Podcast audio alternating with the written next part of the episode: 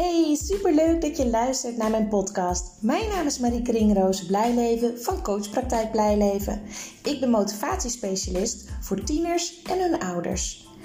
In deze podcast geef ik informatie, inspiratie, tips en tools voor meer positiviteit in de puberteit. Het is namelijk mijn missie om het onnodig afstromen, dubleren en zakken voor het eindexamen terug te dringen in heel Nederland. Ik weet inmiddels uit ervaring dat als het contact tussen ouder en tiener positief is, dat dat direct effect heeft op het welbevinden en de schoolresultaten van een tiener. Een motivatieprobleem is namelijk een gevolg, geen oorzaak. Enjoy! Hey, welkom bij podcast 74 alweer. En deze podcast wil ik graag besteden aan uh, een documentaire, De Rotjochies. Misschien heb je hem wel gezien, misschien niet. Ik vind hem zelf heel indrukwekkend. En nu kwam ik uh, op de website mashaooms.nl kwam ik een hele mooie lezing tegen van een familietherapeut, Else Marie van den Ehrenbeemt. En die praat over, uh, naar aanleiding van de documentaire Rotjochies, over hulpverlening uh, in, aan gezinnen en dergelijke. En hoe het voor pubers is als zij uit een gezin worden gehaald en dergelijke. Ik vond zelf een hele indrukwekkende lezing. En daarom uh, wil ik hem via deze podcast met jullie delen. Dus veel luisterplezier. Als de wereld mij vertelt dat mijn ouders slecht zijn, dan zal ik vertellen dat de wereld slecht is.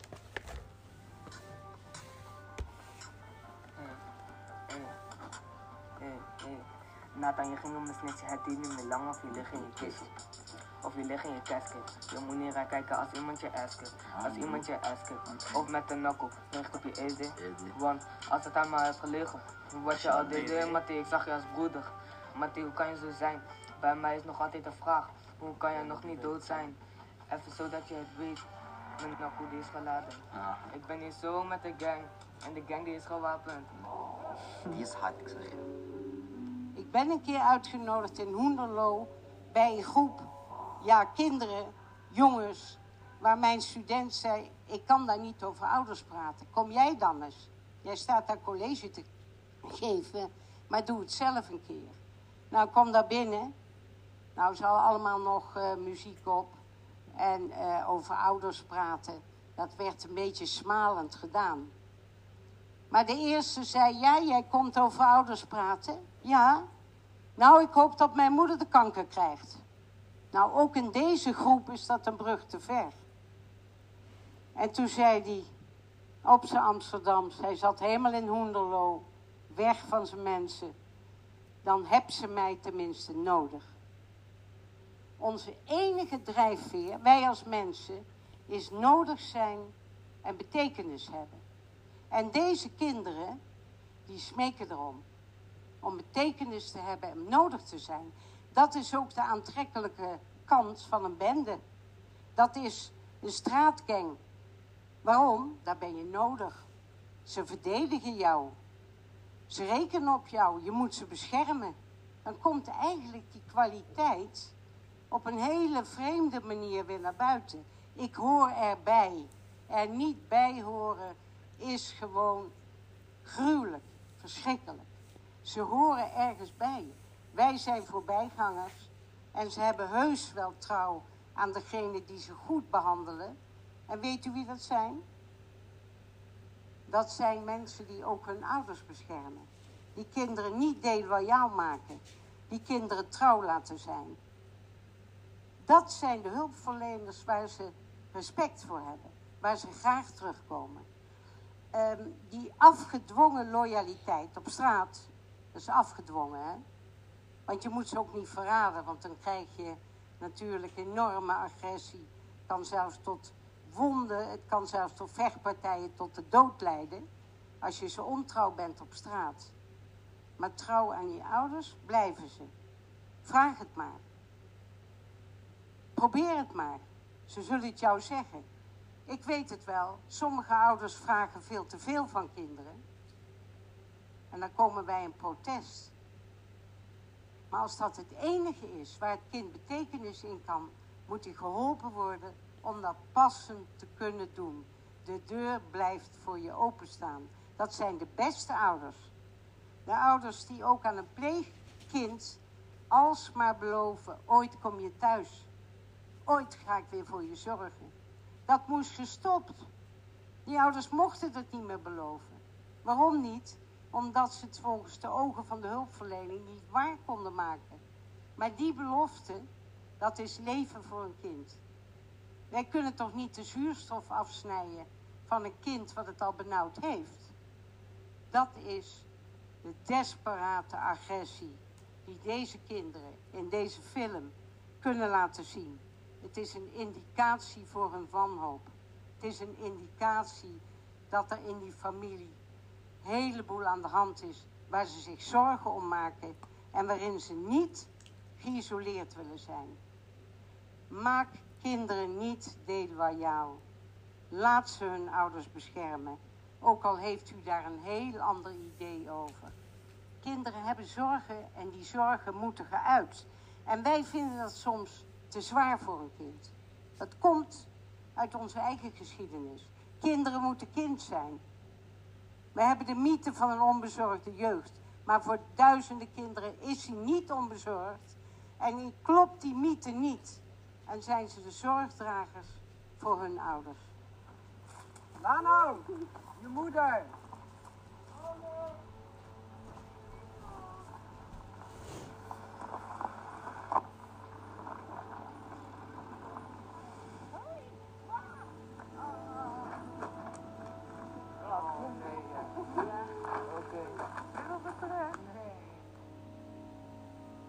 Een aantal zit hoor.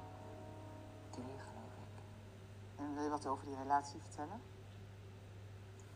Ehm, zo ruzies. Ehm, ja, totdat wij uit elkaar gingen, toen is dat wel echt met geweld gegaan. En dat heeft Gerano helaas wel mee moeten maken.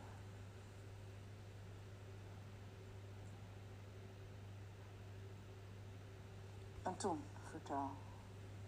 Ja, toen had ik mijn volgende vriend. En na de bevallingen ja, begon al vrij snel de mishandelingen. En eh, mijn laatste ex, ja, die ging wel een stapje verder. Door de rijtrappen. Hij heeft me ook, eh, ik heb mezelf op het balkon moeten opsluiten. Mijn jongste zoontje kon ik niet meer op dat moment veiligheid brengen. En van buitenaf zagen ze hoe ik uh, machteloos op het balkon stond. En hij in mijn huis was.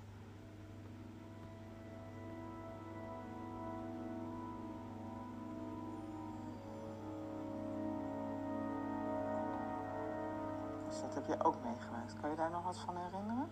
Ja. Ja? En hoe was dat voor jou? Dat weet ik niet meer. Nee? En hoe voelde dat voor jou?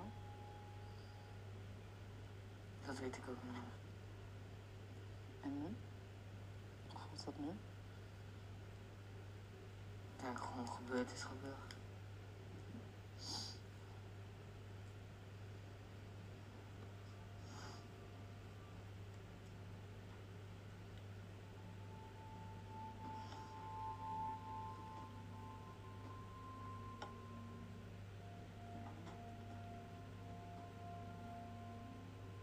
De messen die je hier getrokken hebt, was altijd omdat een ander een ander iets aandeed. En het kan jou niet schelen als jij in de gevangenis komt, als die ander maar zijn verdiende loon krijgt. Heel vaak zijn deze kinderen. Je denkt, ouders moeten ze redden. Maar voordat er iets gebeurt, voordat ze bij u komen, voordat er enige hulpverlening is, zijn het de redders van de ouders. Deze kinderen hebben onvoorstelbaar veel gegeven aan ouders. Geruststellen, troosten, ertussen gesprongen, het geweld gestopt. Zoals Ischa Meijer zei, alles gegeven, niks gekregen. En wat is dat dan, dat geven van kinderen? Tuurlijk, kinderen hebben heel veel nodig. We weten het. We sterven zelfs als dat niet gebeurt. Maar kinderen hebben een onvoorstelbare kern om te geven aan ouders wat nodig is. Dus deze kinderen die in de hulpverlening komen, die voor de rechter komen, die voor hun kinderrechten komen, die in een instelling zitten, hebben al heel veel gegeven. Dat zijn kinderen, in mijn vak heet het dan parentificatie. De ouder van de ouder. Ze hebben al een kind. Meisje van 16 zei, ik kinderen, ik heb er een, mijn moeder. En mijn vader is een kind wat ik nooit meer zie. Ze hebben kinderen gehad. Dat waren de ouders. En hoe overleven deze kinderen dat? Kinderen zijn overlevers. Hoe doen ze dat? Komt eigenlijk omdat kinderen een kern, in de diepste zin van het woord, een kern hebben, die goed is. En niet alleen goed, zo weet u, de meeste mensen deugen. Alle kinderen deugen. Want die beginnen te geven wat nodig is aan die ouders. En sommige ouders hebben heel veel nodig. Wij komen voor kinderen op. Natuurlijk moeten kinderen beschermd. En moeten ze soms ook van ouders die uh, ja, wonderbaarlijke mishandelingen uitvoeren. Dan moeten kinderen beschermd. Maar het moet ook beschermd in zijn diepste loyaliteit, oftewel trouw. Je kunt het kind niet redden van de ouders, alleen met de ouders. En dat is eigenlijk de bron van het werk. De bron is dat je een kind ziet als een actieve zorgdrager voor zijn ouders. Wat maakt dan dat je zo boos wordt? En de man, eh, wat hij allemaal zegt, dat hij het eh, eigenlijk niet wil. Maar zei hij Dat tegen, nee, dat hij er tegenop ziet. Ja. Maar kan je Terwijl dat hij wel wel... zien, terwijl hij wel zegt dat hij, dat hij wil dat ik graag thuis kom. Dat hij met moeite een kans wil geven. Want dat merk je gewoon aan alles.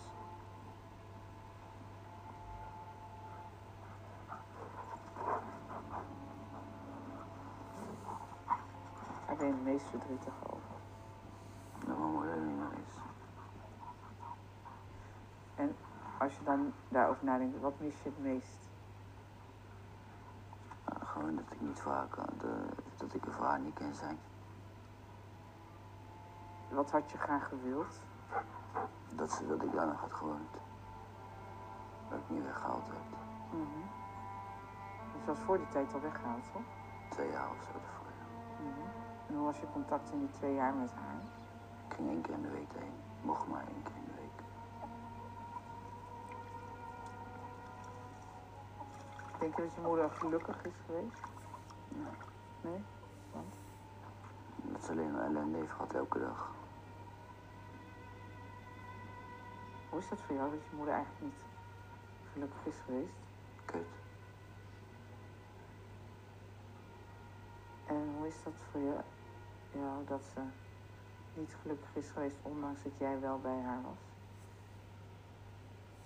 Nou, ik denk wel dat ze daarom gelukkig is geweest. Want ik heb gehoord van heel veel mensen dat ze heel veel verdriet had toen ik eh, uit huis moest. Mhm. Ze dat heel erg vond dat ook nog een keer mijn achternaam veranderd werd naar mijn vaders kant. Mhm. Dus ik denk wel dat ze deels gelukkig was dat ik daar was. Hebben ze ook uitgelegd aan jou waarom ze je weg hebben gehaald? Nee, Er is tegen mij gezegd omdat ze niet meer voor mij kan zorgen, moet ik daar weg. Mhm. Voor de rest is er niets gezegd. En wat, wat maakt je daar boos over? Nou ja, had ik misschien nog voor je kunnen zorgen. En als je voor had kunnen zorgen, had het dan, had het dan anders kunnen lopen? Ik denk niet dat ze nu nog had geleefd, maar wel een tijd langer nog. Denk ik. Een kind in de rouw. Ieder kind van gescheiden ouders. Wie één ouder verliest, is in een ongemoeide, moeilijke rouw. Omdat je niet meer tegen de vechtende ouders kan zeggen, ik mis haar zo. En het rare is van rouw, de pijn is niet zozeer wat kan deze jongen ontvangen van die moeder, maar wat kan hij geven. Het gemis aan betekenis, het gemis aan geven. En je ziet in die film, het meesterwerk van Masha, dat die jongen zelf komt. Zelf. Als ik haar had kunnen helpen, had ze misschien langer geleefd. Maar ik kreeg en een andere achternaam en ik werd weggehaald. Amputatie van kinderen. Amputatie vooral van het geven. Kinderen, deze kinderen, waar die film over gaat, de rotjochies op straat. zijn allemaal stuk voor stuk grote gevers geweest voordat dit gedrag kwam. Want het is een alarmbel. Het zijn kinderen die klokkenluiders zijn. Eigenlijk zijn klokkenluiders, maar die worden gestraft. Die worden apart gezet. Het zijn klokkenluiders. Help mijn ouders. Ik zit zo vast, want ik mis mijn moeder. Ik had er willen geven.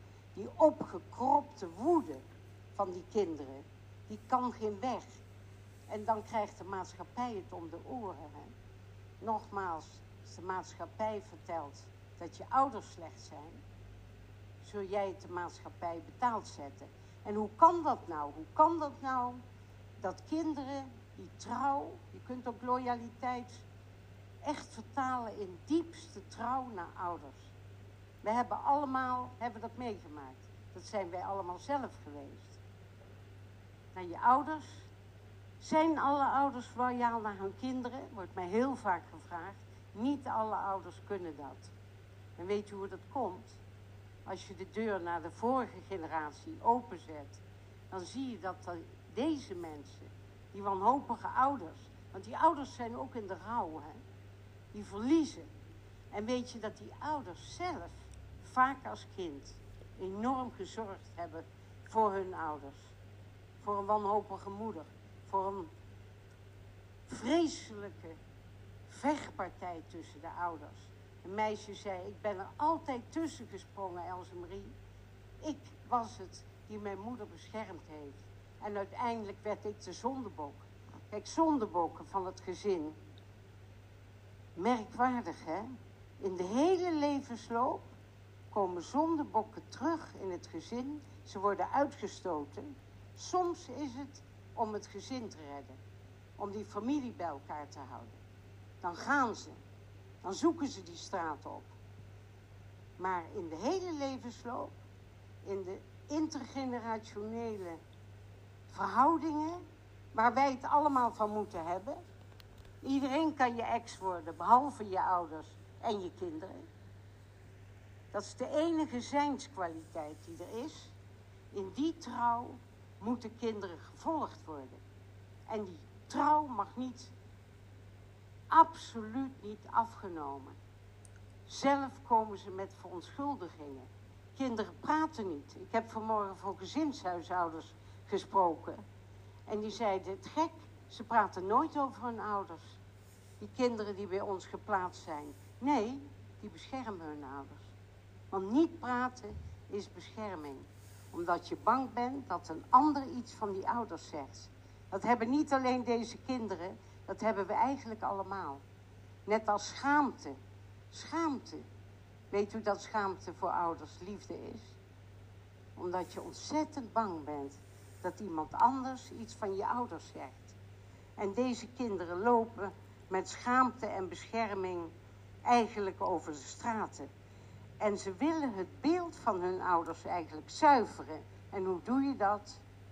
De stiefouder, de pleegouder, de gezinshuisouder, de raad van kinderbescherming, iemand van veilig thuis, worden je vijand, want dan kunnen je ouders stijgen. Een soort communicerend vat.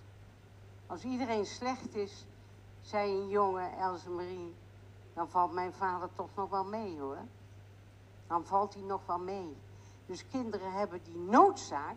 Het is niet een psychologische behoefte, het is een existentiële noodzaak die wij allemaal delen om hun ouders te beschermen. Ongeacht wat wij van die ouders vinden. En dat is een heel moeilijk dilemma aan uw vak. Dat is het moeilijkste eigenlijk. Om daar mee om te gaan.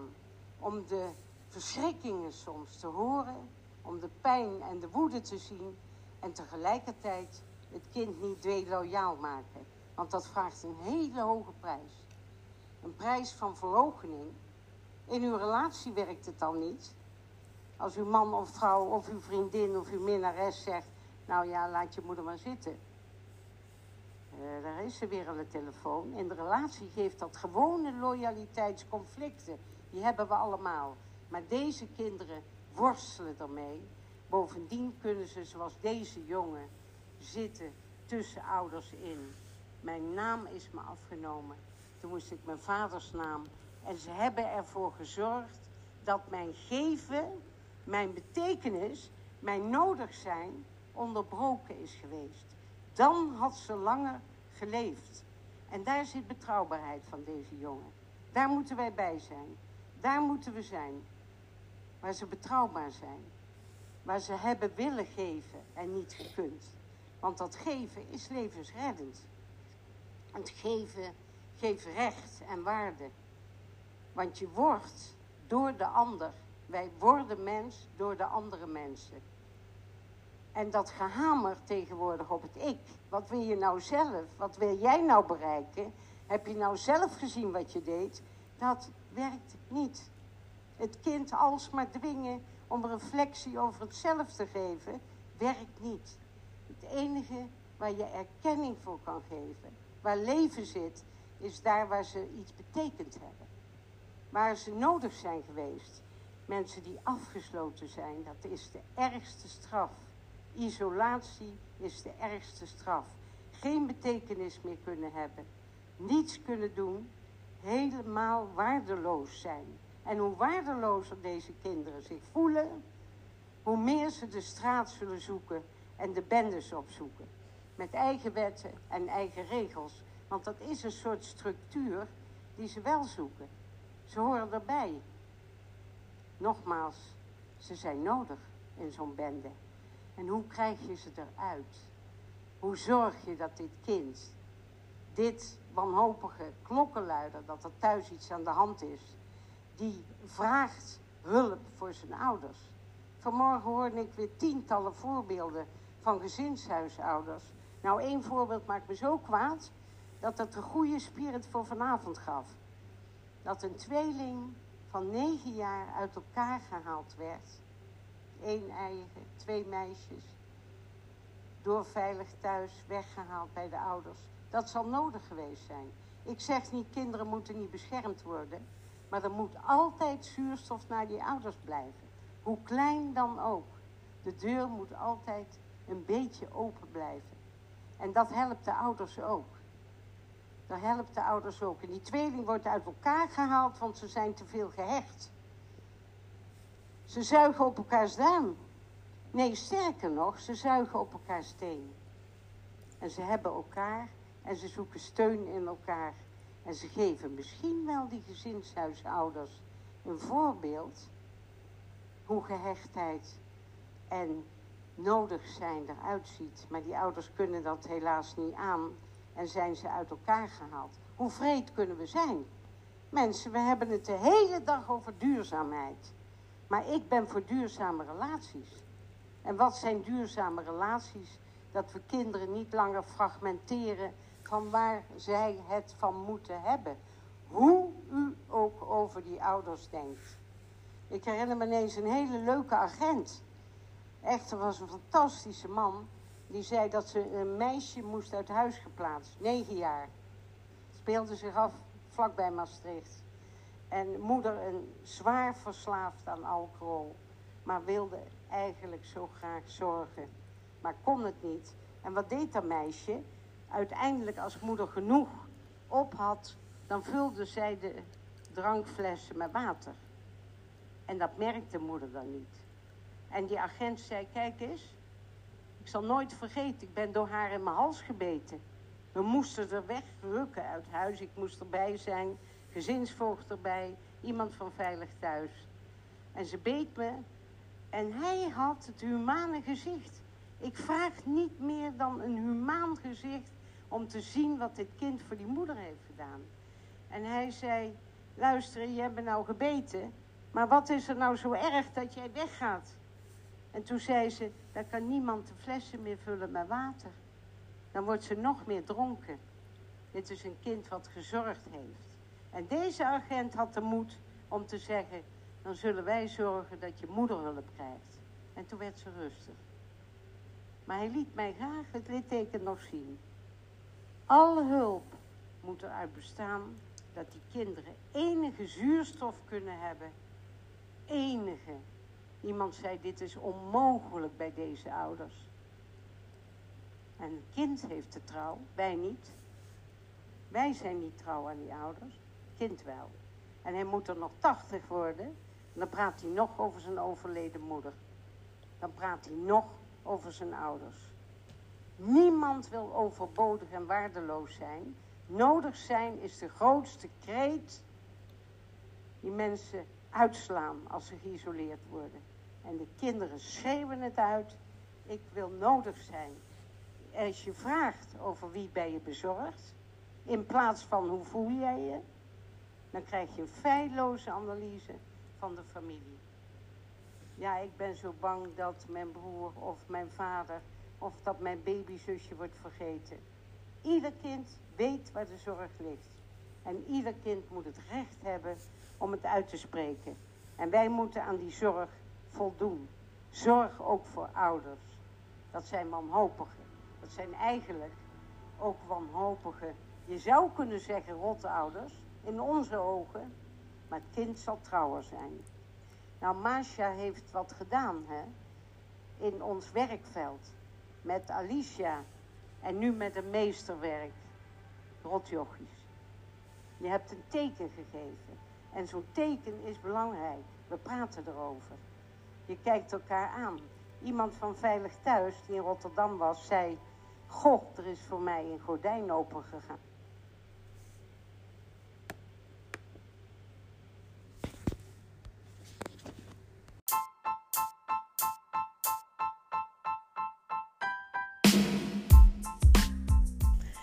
Dit was weer de aflevering van deze podcast. Ik hoop dat je het leuk hebt gevonden, dat je er veel informatie, tips en inspiratie uit hebt kunnen halen. Ik ben ontzettend benieuwd wat jij van deze podcast vond en wat je eruit hebt gehaald. Want ik neem ze op, maar ik wil heel graag weten hoe het is voor jou als luisteraar om dit allemaal te horen. Wil je mij dat laten weten via een persoonlijk berichtje? Dan vind ik dat hartstikke leuk. Wil je andere ouders motiveren, stimuleren? En inspireren met deze podcast, deel het dan op social media. En wil je mij contacten? Dat kan via www.coachpraktijkblijleven.nl. En wie weet spreken we elkaar snel. Fijne dag!